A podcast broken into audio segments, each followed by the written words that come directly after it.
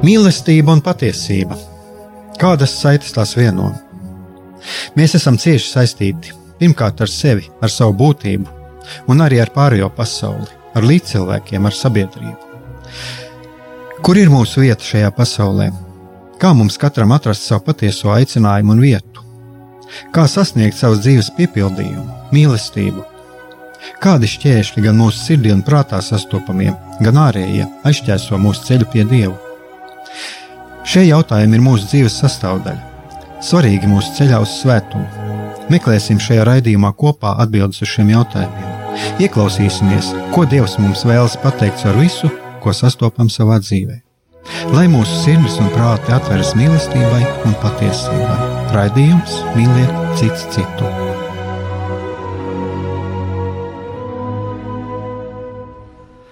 Lai top slavēts Jēzus Kristus, esiet sveicināti, darbie radioklausītāji. Šis ir rādījums Mīliet citu citu. Un eh, šodien mēs ar Jāni Jakobsonu atkal turpinām mūsu jau pirms kāda laika, es varētu pateikt, pagājušajā gadā ieteikt, iesākt to uh, raidījumu ciklu, un mēs jau pagājušajā nedēļā runājām par Dievu, par, par Dievu mūsu dzīvē, kā mums ieraudzīt, saskatīt Dievu darbību mūsu dzīvē, kas mums to dod šo iespēju, kas mums traucē. Un man tāds šodien mazliet tāda tādas pārdomas eh, arī par to, kā saskatīt eh, dieva darbību mūsu dzīvē, tad, kad mums eh, varbūt neveicās tā, kā mums gribētos. Un man ir tāds ļoti interesants piemērs šodien. Es gribēju izlasīt to no svētiem rakstiem iepa grāmatu, bet man nebija vienkārši laika. Un kaut kādā savā ziņā tas ir arī tāda, nu, jā, pārdomas par to, ko, ko darīt tādās dzīves kritiskās situācijās, bet vienkārši man neatrodas laika, un savā ziņā man, man šķiet, ka tas ir arī tāds pārbaudījums, un kā es Jānim teicu pirms, eh, pirms šī raidījuma, kad mums ir bieži vien vajadzīga šī šī indiference, ignāciskā svētā vienaldzība dažādās dzīves situācijās un, un reizēm pat tādi dzīves sīkumi, kas šķiet, eh, bet eh, jā, viņa ir mums vajadzīga. Un, uh, lai, lai kaut kādas dzīves situācijas mums vienkārši neizsit no sliedēm, kā, kā teiksim, psiholoģijā varētu runāt par to, ka situācija, kas mums traucē īstenot kaut ko, kādu ieceri, uh, Eh, tāda mm, nu, no garīgās puses, tas, kas traucē mums eh, ceļu pie dieva.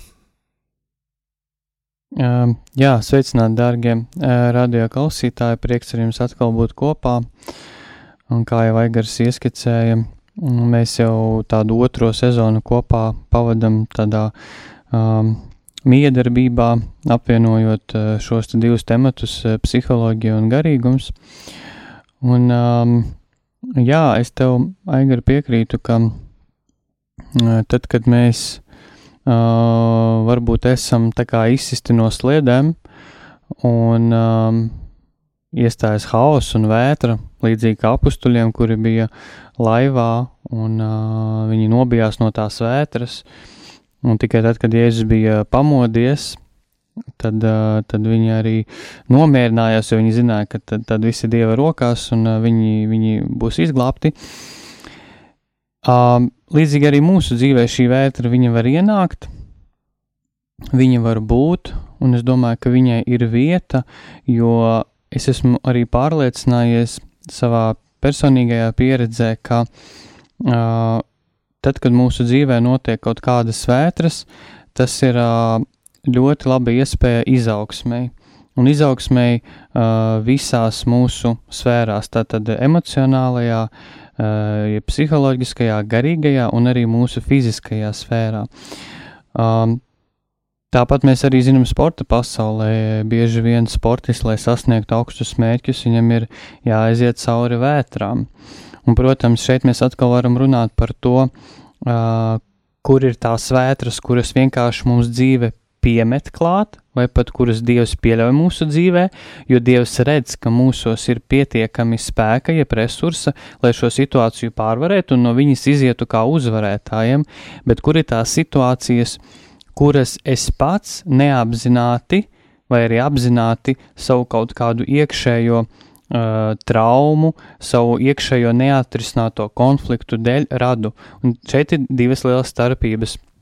Un, protams, lai mēs uh, saprastu, kur ir tas dieva dzīves sūtītais tāds izaugsmes pārbaudījums vētra, uh, un kur ir uh, mūsu radītā šī vētra, uh, šeit ir jābūt tādā kontaktā ar sevi, ir jābūt attiecībās uh, ar Dievu, tādās, es teiktu, caurspīdīgās attiecībās, kur uh, mēs cenšamies, cik vien tas ir iespējams, staigāt Dievu priekšā tādu atklātību, ka uh, mm, jā, Dievs, man nesanāk šis, jā, es esmu vājš šā, šādā un, un tādā jomā. Uh, un būt tādā, tādā atklātībā ar Dievu.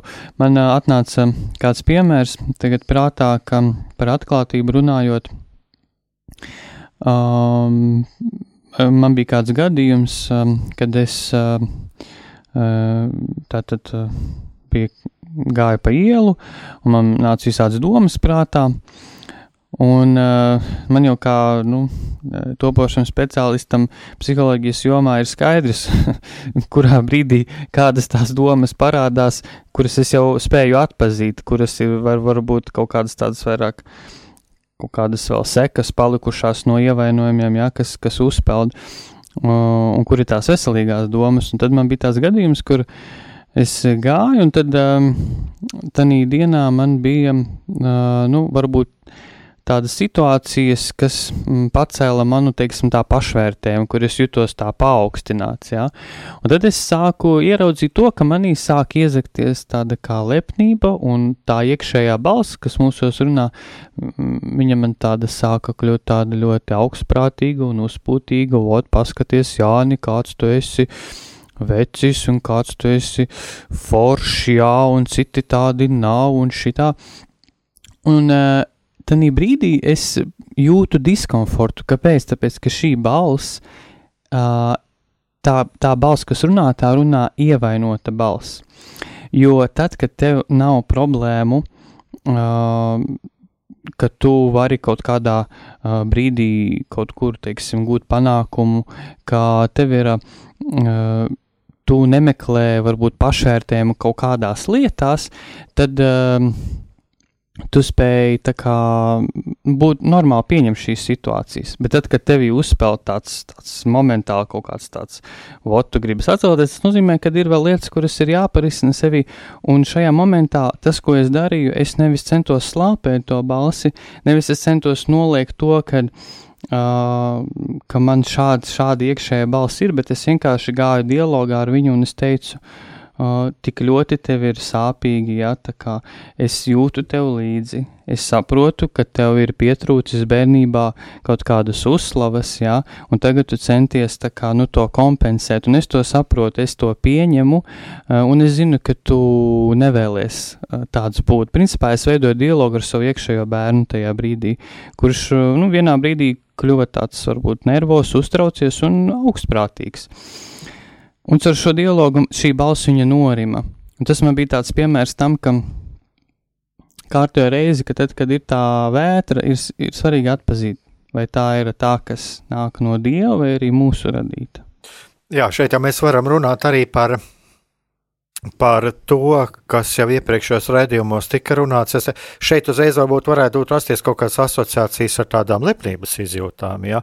Un ļoti būtiski ir arī apzināties to, ka šajā gadījumā nav runa par grēku, jo sakās dialogs un vēlmi izprast. Jā, jā, vēlmi izprast un uh, tu, mēs jau paši jūtam šo diskomfortu, kad mūsos, teiksim, veidojas šāds dialogs, šī balss atceļās. Mūsu jūtas, viņas mums pasaka priekšā, ka kaut kas nav riktīgi, ja? un ja mēs turpinam sekot šīm, šai te, nu, tādai augstprātībai iekšē, ja mēs turpinam izdabāt šai kaut kādai tādai mūsu neirotiskai reakcijai, tad tas ir slikti, jā. Bet ja mēs ejam uz dialogu un mēs cenšamies izprast, kāpēc, un mēs jau saknē cenšamies šo mainīt, uh, tad, uh, manuprāt, viss kārtībā. Jā, es domāju, tagad mēs varam paņemt kādu muzikālu pauzīti, un tad uh, man mazliet būs arī kaut kas tāds, ko es uh, varu paskatīties arī mēs uh, nu, no, no otras puses, no tā, ka mēs jūtam iekšēji kaut kādu nogarumu, pat, pat iedomājieties vien par kaut kādu lietu, bet, bet tagad muzikālu pauzīti. thank you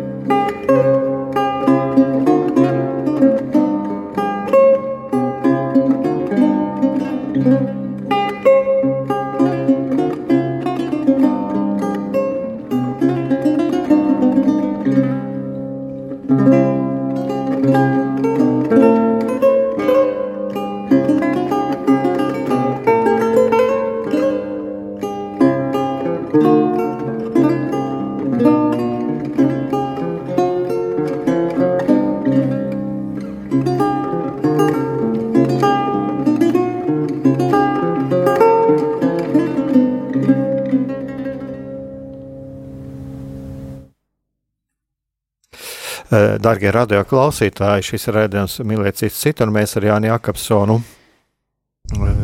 šodien runājam par to, jau nu, pagājušā raidījumā iesaka to tēmu par to, kā ieraudzīt Dievu mūsu dzīvē, un, un Jānis runāja par šo dialogu ar tām izjūtām, nosauksim tā viņas par tādu pašu pašslavināšanas izjūtām, jā. Jā, un kad ir kāda balss, kas iekšā saka, nu, kas rada diskomfortu, jā, un es, es teiksim tā, es to varētu formulēt tā, ir vērtīgi šajā balsī ieklausīties, jebkurā balsī ieklausīties, bet eh, šeit var arī paskatīties no otras puses, ja pat cik bija runa par to, kad ir izvērtēt, eh, kas ir, kas ir nāk no Dieva, kas nav, kas ir mūsu, kas nav, ļoti svarīgi, tad kādreiz arī ir vērtīgi ieskatīties, ieklausīties tajās izjūtās, ja mēs kaut ko darām, tas varbūt gan kaut kādā profesionālajā jomā vai, vai kalpošanas jomā, un ja mums ir sajūta, ka mūsu visa būtība tam pretojās, tad arī jāpadomā, vai tas patiesībā ir tas, kas ir mans Jo arī šādā gadījumā mēs varbūt varam izniekot un zaudēt, zaudēt enerģiju un izniekot savu laiku e, tajā, kas e, nu, patiesībā mums nedod šo piepildījumu, nedod gandarījumu, un, e, un arī mēģināt saprast, kāpēc es to daru. Jā, tā kā arī šī ir, es domāju, ka tāda ļoti arī no otras puses paskatīties, nu, teiksim, bija tavs piemērs, bet ir arī šāds otrs piemērs, ja, kur es domāju, arī ir ļoti, vērs, ļoti vērtīgi paskatīties arī no šādas puses.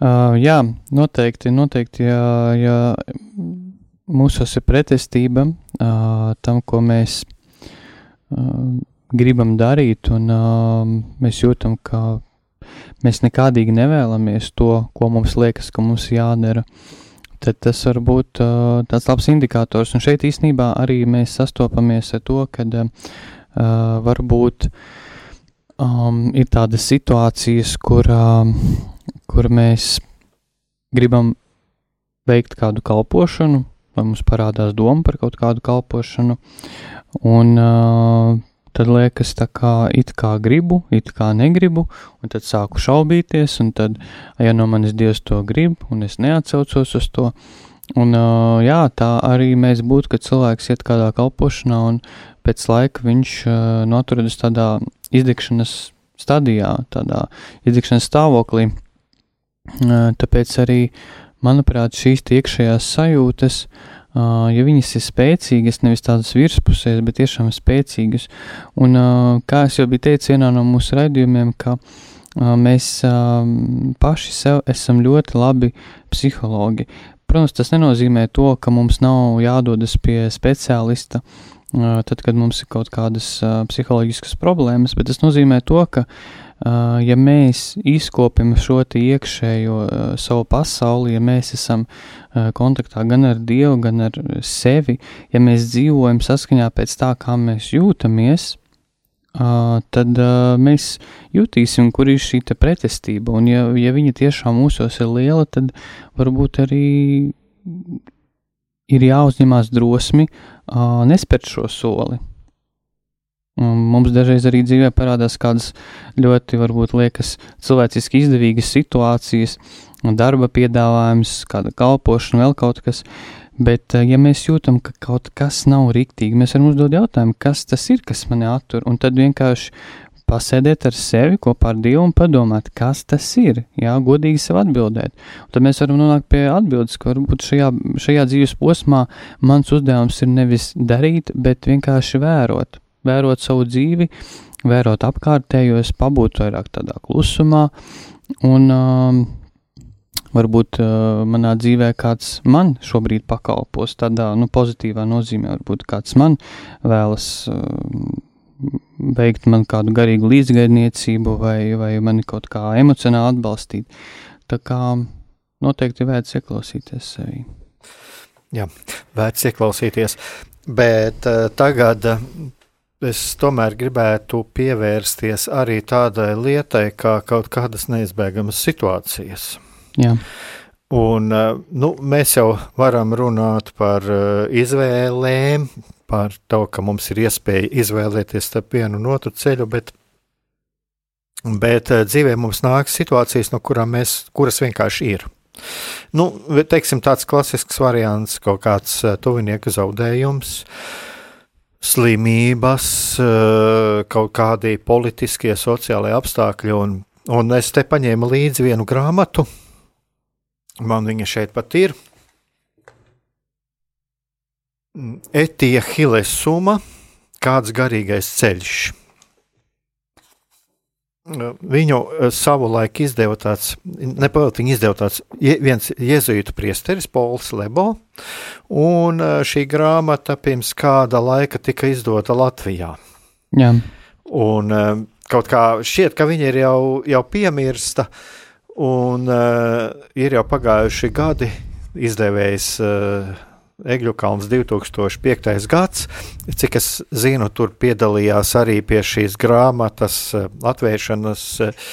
Eh, tagad jau bīskaps Andris Kravalis ir jau pazīstami cilvēki, ir tulkojusi no franču valodas aija balodi māksliniece Laura Feldberga, sagatavot izdevniecībā kala raksti. Hmm. Eh, šķiet tā diezgan sen, bet, bet kāpēc es šai grāmatai gribu pievērsties? Es arī kaut kur biju viņu manījis, nebiju lasījis, bet pirms diviem gadiem man viena no šīs grāmatas iniciatoriem, izdevējām, Biruta Flod, viņa ir uh, Austrālijas latviete, un mēs satikāmies Aglonā. Es atceros, pirms diviem gadiem tas bija 14. augusts vakars pirms krustaceļa. Mēs runājāmies, viņš šo grāmatu iedeva. Un es viņu izlasīju, un sapratu, es viņu izlasīju diezgan ātri. Stāsts ir par ko Etija Hilesuma, tā ir viena jauna ebreja sieviete, laicīga. Laicīga, mm. ļoti sekulāra. Uh, un viņa sāka uh, rakstīt nacistu okupācijas laikā savus dienas grāmatas. Bet, eh, nu, cik, eh, cik arī no tās viņas dienas grāmatas redzams, cik viņa bija jauna, izglītota un uh, arī nacisti šos cilvēkus kaut kādā brīdī izmantoja. Viņa tur arī, saka, darbojās šajā administratīvajā aparātā, cik es saprotu. Jā, jo arī šeit Rīgā bija jūdenrāde, te būtu labi vēsturniekiem parunāt, jā. Bet, nu, katrā ziņā viņas uh, liktenis bija ļoti smags. Jā. jā un, un beigās arī tā sanāca, ka šī ģimene aizgāja bojā, arī viņa pat aizgāja Aušvicā bojā. Bet par ko ir stāsts? Viņa bija absolūti sekulāra, bet caur viena sava, teiksim, psihoterapeita palīdzību viņš eh, viņai deva uh, lasīt dažādus garīgus rakstus. Viņa kaut kā tieši netieši nonāca pie dieva, netieši, netieši tas varbūt nav tā precīzi. Es domāju, viņa nonāca pie dieva. Jā. Un kāpēc es uzsveru to, ka sekulāra jauna sieviete un kāpēc arī Pols Levo, būtams jēzuītu priesteris, šo grāmatu izdeva, izdeva jo, jo viņai nebija šīs viņas piezīmes tika atrastas, bet uh, tām nepievērs uzmanību, bet uz, uz, līdz šim nepievērs uzmanību un pievērsa uzmanību šis priesteris, jo tur, tur ir savs stāsts apakšā arī tas, kad viņa dzīvoja ļoti laicīgi, ļoti aktīvu dzīvi, ļoti aktīvu seksuālā dzīve, uh, tā kā, nu, kā jau jaunieši, kā Jā. mēdz teikt, kā, kā jau jaunieši, es tā nevēlos vispār, net mums priekšstats tāds ir, jā. Uh, ļoti aktīvi, ļoti uh, inteliģenta, zinātkāra, Un nonākot šajā situācijā, mēs varam iztēloties teiksim, tādu holokausts. Viņa saprata, un tu ebreji jau saprata, kas notiek, sāk pazust cilvēki, viņus sāk kaut kur aizvest un tā tālāk. Uh, Un viņa redzēja to savu tautiešu ciešanas, ļoti lielo naidu pret vāciešiem. Viņa otrreiz sāk uzdot tādu jautājumu, ko man darīt, ja es izdzīvošu šo holokaustu. Ja viņa redzēja šo ļoti lielo naidu, un otrs, kā vispār izdzīvot šo. Nu, es tagad tā precīzi nepateikšu, man arī jāsaka, tā, es to grāmatu esmu izlasījis. Es kādreiz pat varētu mēs vairāk parunāt arī šeit radio par šo. E, tur būtu ļoti daudz, ļoti daudz vērtīgas atziņas. Ja.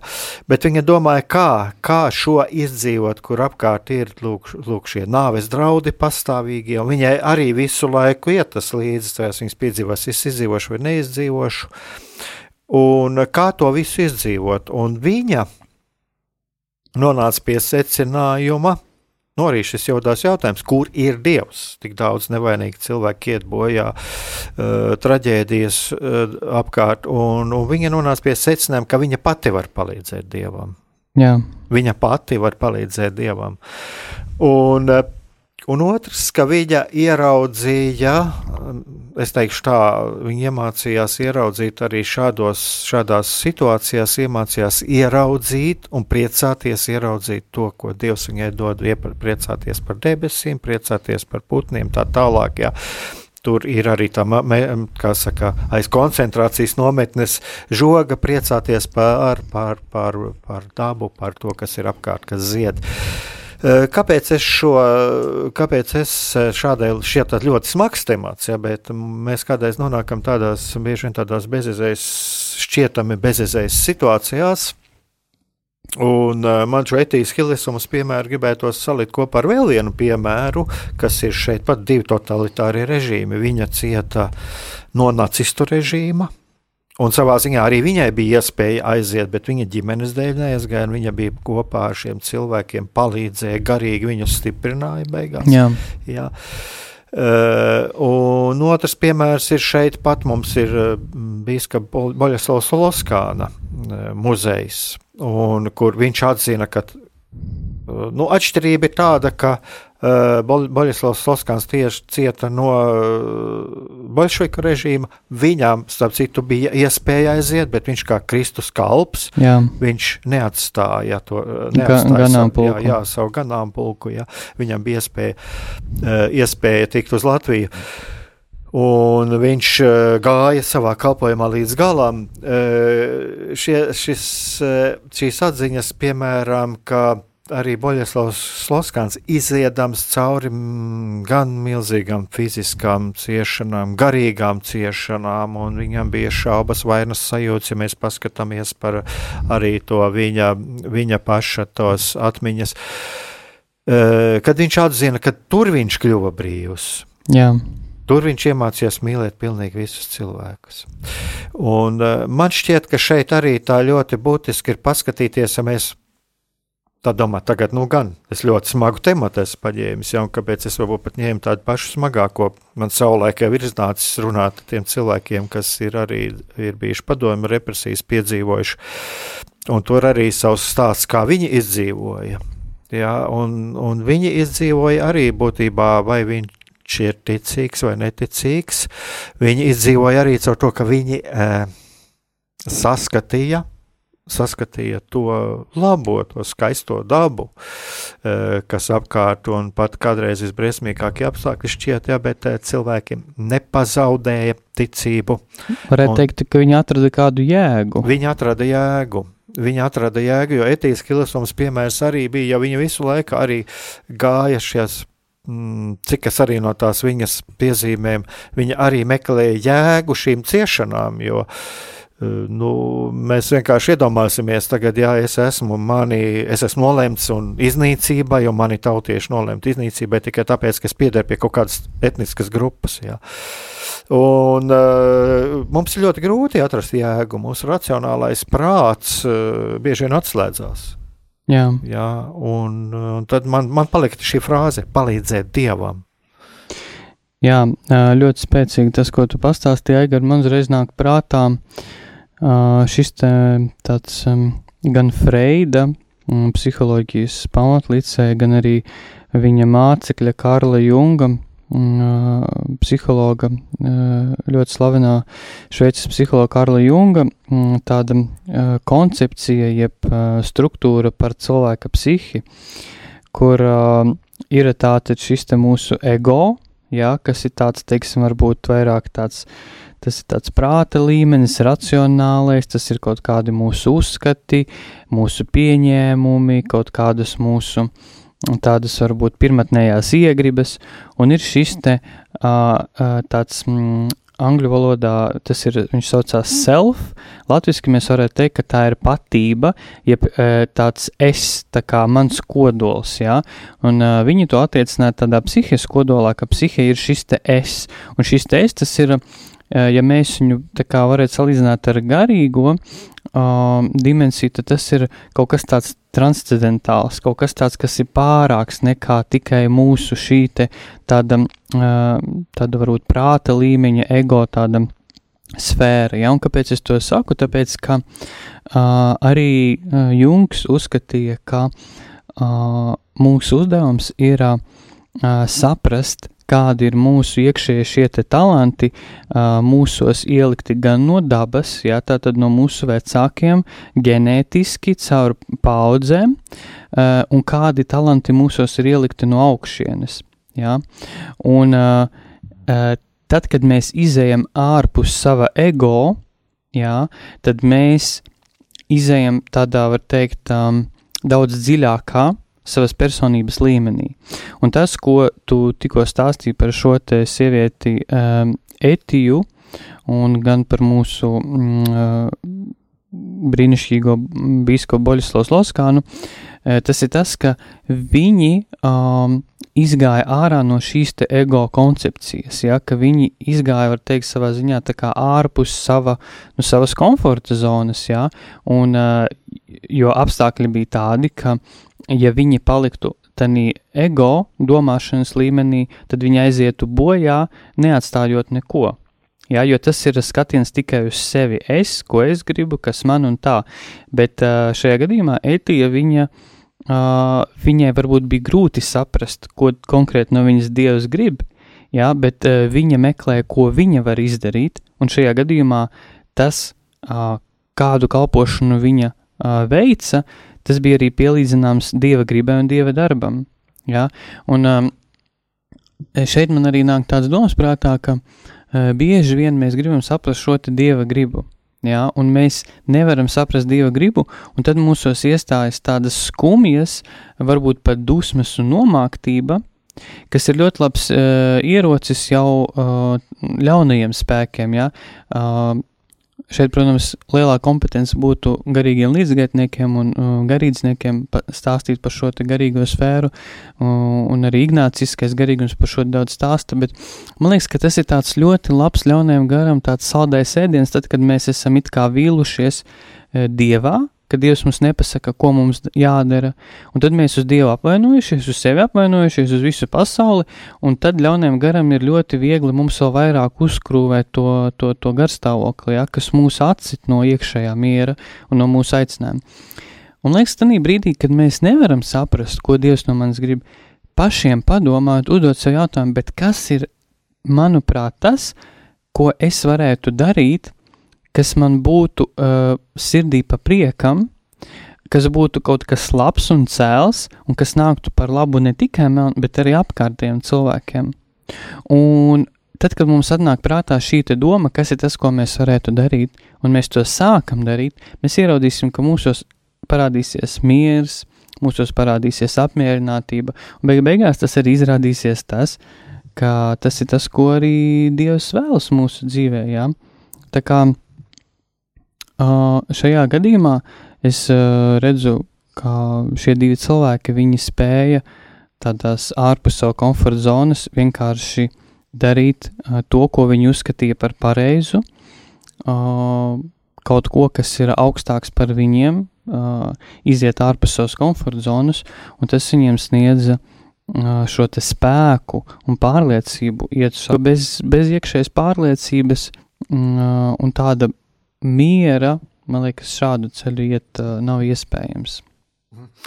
Jā, viņi abi, ja mēs paskatāmies gan Bīskaps Loskans, gan šī, šī, šī pati ētīja Hilesuma, tur jau viņi gāja cauri arī visiem šīm, šīm šaubām un šīm meklējumiem, bet jā, tur ir tas, ko tu runāji arī par šo iziešanu no komforta zonas, es domāju, tieši tā mēs arī to varam formulēt, jā, jo mums jau bieži vien ir tā problēma tā, ka mēs meklējam mēģinām, atrast dieva gribu un visu laiku uzdodam šo jautājumu, ko dievs.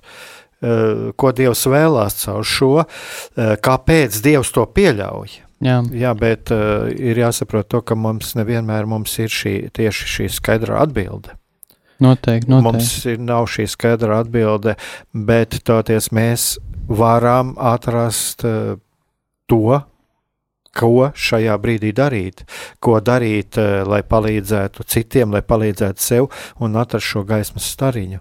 Jo es domāju, ka tā viena no lielākajām problēmām ir, ka, es domāju, tu man piekritīs arī psiholoģija tāds jēdziens kā racionalizācija, Jā. ka mēs visu liekam par racionāliem plauktiņiem un mēģinam, mēģinam atrast racionālus skaidrojumus, eh, kas nebūtu mūsu subjektīvais skaidrojums nebūtu nenozīmē, ka tas ir patiesa. Jā, tas uh, racionalizācija var būt kā tāds aizsarga mehānisms, kad mēs uh, esam nolēmuši kaut ko darīt, vai mums nāk kaut kāds piedāvājums no malas, un mēs sākam tā racionalizēt, tā kā, jā, bet vispār šī situācija izskatās šāda, varbūt man tur būs mm, apdraudoši, varbūt tā nav mana komforta zonā, jāsanāk šitādi, un tas tāds vienkārši aizsarga mehānisms, tā mēs neapzināti aizsargājamies no it kā kaut kāda apdraudējuma. Un, um, Uh, jā, es esmu pārliecināts, ka, ka mums ir uh, svarīgi spērt soli tādā nezināmajā. Man liekas, šie ir uh, Jāņa Pāvila otrā vārdi. Viņš teica, ka uh, mūsu uh, uzdevums ir sekot līdzi Kristum un spērt soli uh, nezināmajā, ka mēs nezinām, kas tālāk sekos, bet tur ir tā izaugsme. Un ja mēs nevaram saprast, ko Dievs no mums vēlas, tad mēs varam vienkārši uzdot jautājumu, ko no manis prasa šobrīd mani dzīves apstākļi. Kas ir tas, ko man ir jādara, kādi ir pienākumi, vai man ir jābūt par labu vīru, par labu tēvu, uh, vai man ir jārūpējas par saviem mīļajiem, finansiāli, garīgi, uh, ar savu tūmu, ar savu klātbūtni, vai man ir jābūt labai mammai, vai man ir jābūt labam kādam kalpotājam baznīcā, saprast, ko no manis prasa mani dzīves apstākļi šeit un tagad, un ko es varu darīt priekš sevis un priekš apkārtējiem, lai sniegtu kaut drusciņu kādu labumu. Un uh, tas arī beig beigās paradoxāli var izrādīties būt tieši tas, ko no mums gaida Dievs šeit un tagad.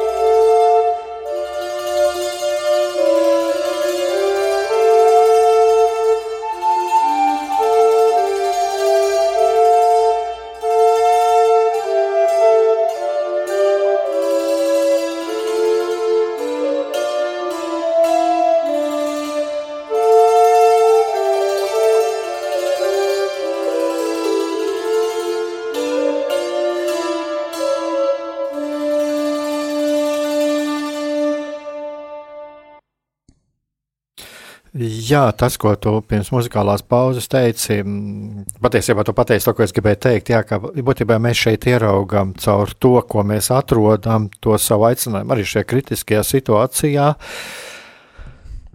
Tas jau ir tas, ko arī Dievs vēlās no mums. Un atkal šajā brīdī, ja mums šī kalpošana sāk izdoties, ja mēs tiešām atrodam tur šo piepildījumu, tad tas jau arī ir tas, ko Dievs no mums vēlas. Es domāju, ka visdrīzāk tas tā arī būs. Eh, tur jau ir vēl viena šī lieta, ko mm, runa par šo rūkumu. Jo tas pats Etijas Hilsons piemērs, viņa redzēja savu tautiešu rūkumu pret tiem pašiem vāciešiem, un, un viņa saprata, ka viņa negrib dzīvot ar šādu. Jā.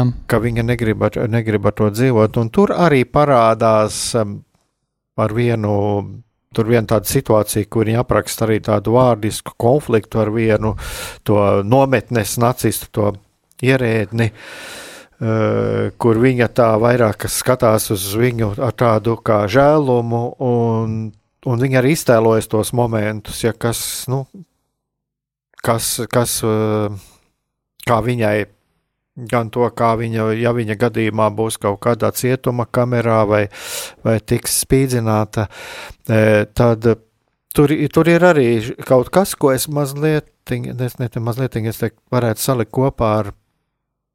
Es kādreiz tā, ka cilvēkiem uh, kaut kādi ievainojumi, kad viņi ir piedzīvojuši kaut kādu pāri darījumus, es uh, atgādinu, Jēzus lūkšana pie krusta. Kungs piedod viņiem, ja viņi nezina, ko dara. Un eh, kaut kur tas bija, tas bija redzams arī šeit, šajā grāmatā, netieši.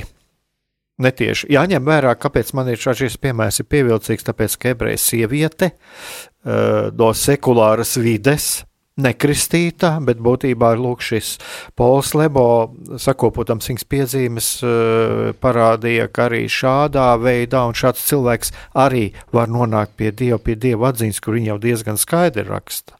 Viņa apraksta arī lūkšanu pieredzi savu, kā viņa no sākuma ir grūti pat ceļos nomesties un, un kā viņa tālāk jau spēja nomesties ceļos un, un kā arvien vairāk un vairāk eh, spēja atrast Dievu.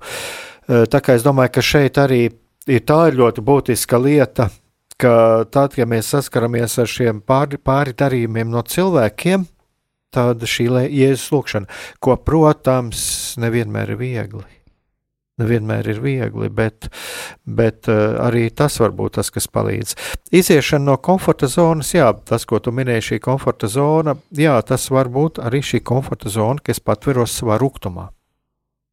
Rūkumā pret dievu, rūkumā pret dzīvi, rūkumā pret, pret uh, pāridarītājiem. Uh, tā kā es domāju, ka šeit arī ir uh, ļoti būtiski to apzināties. Ja, kad es mm, šķiet pirms dažiem raidījumiem arī minēju, ka arī dzīvošana ciešanās ir sava veida komforta zona, jo cilvēkam, nu, cilvēks daudz ko no sevis noņem nost. Ja, es ciešu, es nevaru un tā tālāk. Ja. Tā kā arī šeit ir tā. Nu, tas, tas man tāds, tāds pārdoms par to, ko tu teici. Jā, dzīvošana, komforta, dzīvošana ciešanās arī var būt tāds savu veidu komforta zona. Un šeit atkal ir jāsaka, ka mm, cilvēks, kurš um, pieredzējis dzīvot ciešanās mm, un atrodas iespējams pat tādā depresīvā stāvoklī, um, Šeit ir jāsaka, ka no psiholoģiskā skatu punkta, protams, katru gadījumu ir jāskatās individuāli, kāpēc cilvēks ir tur, kur viņš ir, un pārsvarā bieži vien šādā gadījumā, ja cilvēkam, ja cilvēks ir šajā tādā ilgstošā trauksmē un tādā depresīvā stāvoklī, un viņam savā ziņā pat uh, it kā patīk būt šajā stāvoklī. Viņš negrib būt, bet viņam šādi ir vieglāk. Ja? Tad, protams, šeit ir uh, runa par uh, to, ka nu, cilvēkam ir vajadzīga gan uh, psihoterapeitiska palīdzība, gan zāles, gan arī uh, kāds labs garīgs pavadītājs viņa ceļā, jo, jo šādi cilvēks um, atrodoties šādā stāvoklī, viņš uh, zaudē šo dzīves garšu, viņš zaudē dzīves bagātību, jo viņš vienkārši, nu, acīm redzot, nemāk dzīvot citos apstākļos. To var bieži salīdzināt arī ar to, ka mm, cilvēks, kuram ir teiksim, depresija, tad brīdī viņš uh, pasaka to, ka uh, visa dzīve ir slikta, viss ir slikti un viss ir tumšs. Un skaidrs, ka cilvēks šādi arī jūtas. Viņš, viņš pasaka tā kā, tā, kā viņš jūtas, viņš nemelo. Bet um, uh, pats par sevi, uh, pati par sevi šāda nostāja, ja psiholoģiska nostādne, viņa nav objektīva. Tā iemesla dēļ, ka uh, cilvēks, pieņemsim, sāk dzert zāles, Ja? Un burtiski pēc diviem, trīs mēnešiem viņa smadzenēs sāk izdalīties šīs te, mm, vielas, šie laimes hormoni, pateicoties antidepresantiem. Un pēkšņi cilvēks kļūst priecīgs. Ja? Viņš redz, ka dzīve var būt citādāka, ka dzīve var būt arī bez ikdienas depresijas, bez ikdienas nomāktības, tikai tāpēc, ka viņā sāk izdalīties šie laimes hormoni. Līdz šim cilvēks nemaz nekad vispār nav bijis tādā ikdienišķā normālā un arī priecīgā stāvoklī. Tāpēc, ka cilvēkam atzīmēt, ir bijusi tāda smaga dzīves pieredze, ka viņš, viņš visu laiku ir bijis šajā iekšējā trauksmē. Un, ja visu laiku ir iekšējā trauksme, tas nozīmē, ka mums visu laiku izdalās adrenalīns, eh, kortizols. Um, mūsos ir paaugstināta spriedze, un, protams, ka mums vispār nav, nav, nav, š, nav šo arī normāla uh, laimes hormonu balansa mūsu smadzenēs. Ja es tā varbūt drusku nogāju no tā mūsu temata, bet. Uh, es tam mazliet varētu pie, piebilst, vai, vai, vai, vai nu, mazliet to tā, teiksim, to tavu domu.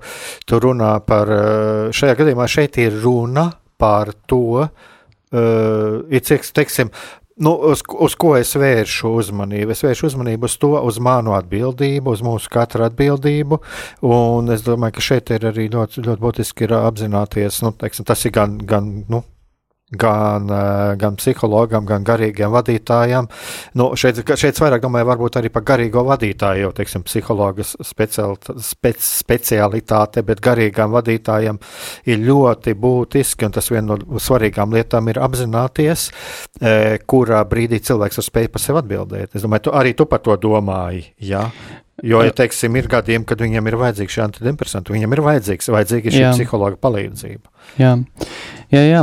Um, Es domāju, arī mm, vēl kāds ļoti svarīgs moments ir, ko es gribēju pateikt, ka um, tad, kad mēs atrodamies kādā grūtā stāvoklī, um, neatkarīgi vai tas ir ilgstoši vai īslaicīgi, uh, un mums var iezakties tādas domas, kas ļoti raksturīgas uh, kristīgās pārliecības cilvēkam, ka uh, iespējams Dievs šo te grib, iespējams Dievs šo te pieļauj, lai man kaut ko iemācītu, vai man kaut ko, mani kaut kā iz, izaudzinātu, lai es kļūtu svētāks vai, vai gudrāks. Uh, un šeit ir kāds svarīgs moments, ka Dievs ņem vērā mūsu cilvēcisko dabu. Un uh, mēs mūsu uh, darbībās, mūsu vispār pastāvēšanā, mēs nevaram iziet ārpus mūsu, teiksim, tā, tā m, bioloģiskā ritma, kas mūsos ir ielikts. Tas nozīmē, ko? Tas nozīmē to, ka uh, es esmu cilvēks, man ir savi ierobežojumi. Un ir kaut kas, kur mans uh, limits mans spēka limits, mans kaut kāds emocionālais limits, mans garīgais limits, viņš vienkārši izsīkst, jo es esmu cilvēks, es neesmu dievs, es ļoti esmu ierobežots ja, e, šajā ziņā. Un tad, kad mums ir tiešām grūti, un mēs esam kādā stāvoklī dzīves kaut kādā notikumā, kur mēs jūtamies tā kā mm, nokrituši uz ceļiem, mums nav spēka, tad mums ir uh, jāiemācās uh, tajā brīdī tiešām atzīt to, ka mums nav šī spēka, un ka mēs esam ļoti ierobežotas būtnes, un kad mūsos ir ielikts no, no dieva kaut kādi šie bioloģiskie, mm, teiksim tā, mm, bioloģiskie um, ritmi, ka mūsos ir ielikta šī bioloģiskā funkcija, jā, kuru uh, no kuras mēs ne, nevaram vienkārši atteikties. Tas nozīmē, ko tas nozīmē? To, ka, ja es esmu noguris, man ir jāpaguļ. Ja es esmu bēdīgs, tas nozīmē, ka man ir jādod sev laiku pabēdāties, un vienā brīdī man ir jāpieņem lēmums, kad es turpināšu iet ceļu un es pārstāšu bēdāties, jo ilglaicīgi atrodoties tādā bēdu stāvoklī, es vienkārši sevi iedzenu tādā, tādā trauksmē un nomaktībā. E, tas nozīmē to, ka, ja es neesmu pāēdis, man jāpēd. Ja es neesmu mazgājies, man jāiet mazgāties. Un tāpat arī, ja es esmu uh, emocionāli uh, noguris, emocionāli izspiests, tad uh, man nav no sevis jātēlo mm, to, ka man ir viss labi, bet es atzīstu, jā, es esmu noguris un man vajag emocionāli atpūsties. Un Dievs to ļoti respektē. Dievs nevēlas, lai mēs esam izdeguši, lai mēs esam depresīvi. Dievs vēlas, lai mēs esam priecīgi un pateicīgi. Jā, es jau varu piebilst, ka Dievs vēlas arī, lai mēs atpūstos.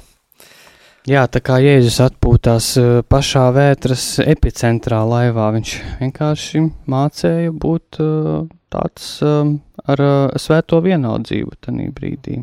Jā, tas arī viens, domāju, tāds viens no ļoti vērtīgām lietām, ko mums varētu, mēs varētu kādreiz arī parunāt par šo svēto vienaldzību, jo tik bieži cilvēki arī uzdod šo jautājumu, kā, kā mums iegūt šo svēto vienaldzību.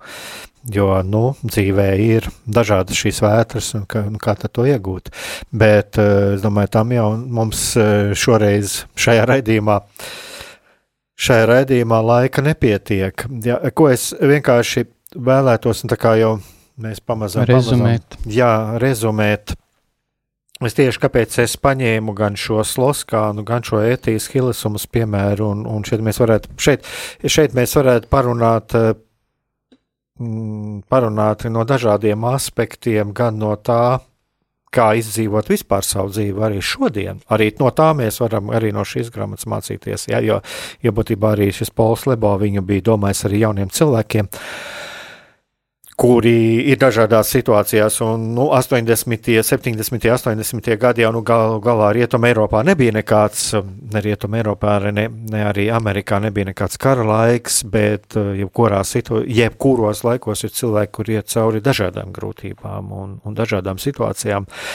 Eh, paskatīties, eh, paskatīties gan to, lai cilvēki iemācītos arī savu vērtību, lai atrastu savu dzīves jēgu, un, un tieši tāpēc arī man šis šis piemērs uz, uzrunāja. Un otrs, kas ir, manuprāt, arī ļoti vērtīgi, ka saskatīt uh, dieva bērnus uh, ar savu cieņu arī, arī citās kultūrās, citās reliģijās un tā tālāk. Un arī šajās um, sekulārajā vidē. Jā, viņš varbūt šis cilvēks sevi neuzskata par dieva bērnu, bet mēs viņā saskatām šo, šo līdzību. Un, un tā kā es domāju, ka tādā ziņā ļoti būtiski. Bet eh, kas attiecās uz, eh, jā, uz šo šādām situācijām, uz kurām mēs katrs dzīvē vairāk, mēs katrs saskaramies ar dažādām grūtībām, tad, eh, jā, nu, kaut kā gribētos šajā uztaisīt šo rezumē, šajā raidījuma noslēgumā un, un atcerēties, pie, atcerēties to, ko mēs runājām, arī ko Jānis stāstīja, ka tajā situācijā, kad man, man ir šīs grūtības, kad, ir, kad šķiet, ka ir kaut kas nācis manā priekšā, kaut kas nepārvarams, kaut kas smags, tad mēģināt uh, atrast, bet ko Dievs šajā situācijā, kur ir Dievs, un ko viņš šajā situācijā no manis vēlas. Uh, un uh, vēl viena tāda lieta, ko es arī tā uzsvēru, mūs, es domāju, ka mūs klausās ne tikai kristieši. Jā. jā, bet tiem, kas nav kristieši, un kur domā, nu jā, nu ko viņi te tagad par to dievu, tad tomēr arī tiem, kas nav kristieši, paskatīties, Ko no manis prasa dzīve? Jā, ko no manis prasa dzīve, kādi ir mani resursi, kur es šajā situācijā varu atrast spēku. Jā.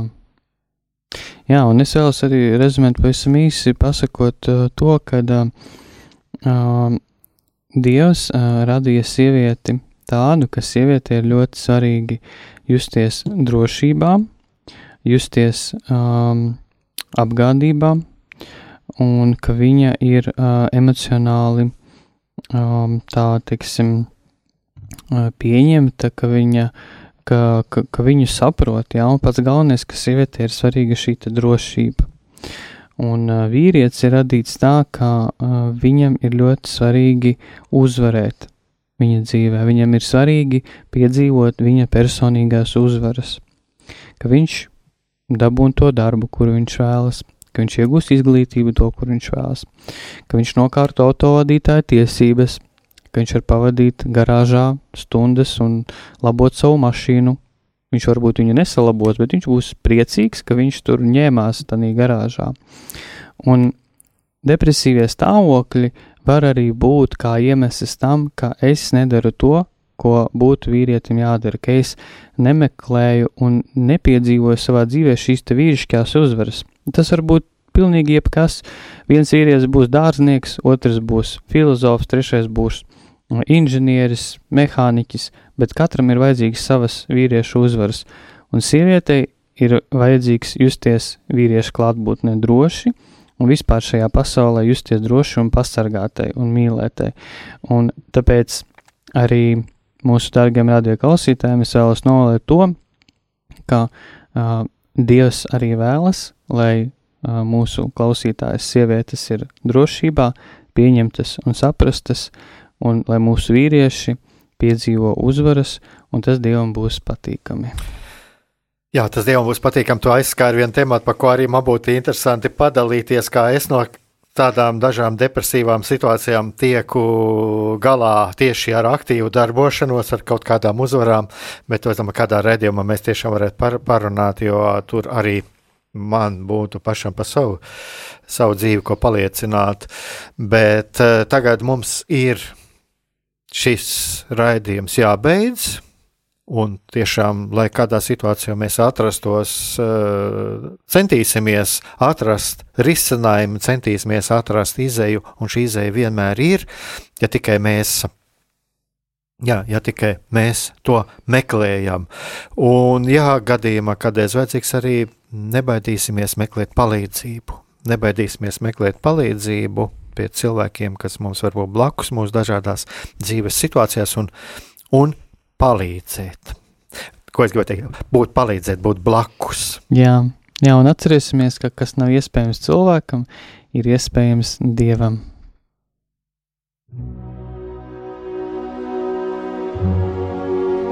Mīlestība un patiesība. Kādas saites tās vieno? Mēs esam cieši saistīti pirmkārt ar sevi, ar savu būtību, un arī ar pārējo pasauli, ar līdzcilvēkiem, ar sabiedrību.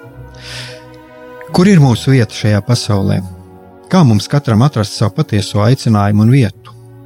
Kā sasniegt savas dzīves piepildījumu, mīlestību? Kādi šķēršļi gan mūsu sirdī un prātā sastopamie, gan ārējie aizķēso mūsu ceļu pie Dieva? Šie jautājumi ir mūsu dzīves sastāvdaļa, svarīgi mūsu ceļā uz svētumu. Meklēsim šajā raidījumā kopā atbildes uz šiem jautājumiem. Ieklausīsimies, ko Dievs mums vēlas pateikt ar visu, ko sastopam savā dzīvē. Lai mūsu sirds un prāti atveras mīlestībai un patiesībai, raidījums mīliet citu citu.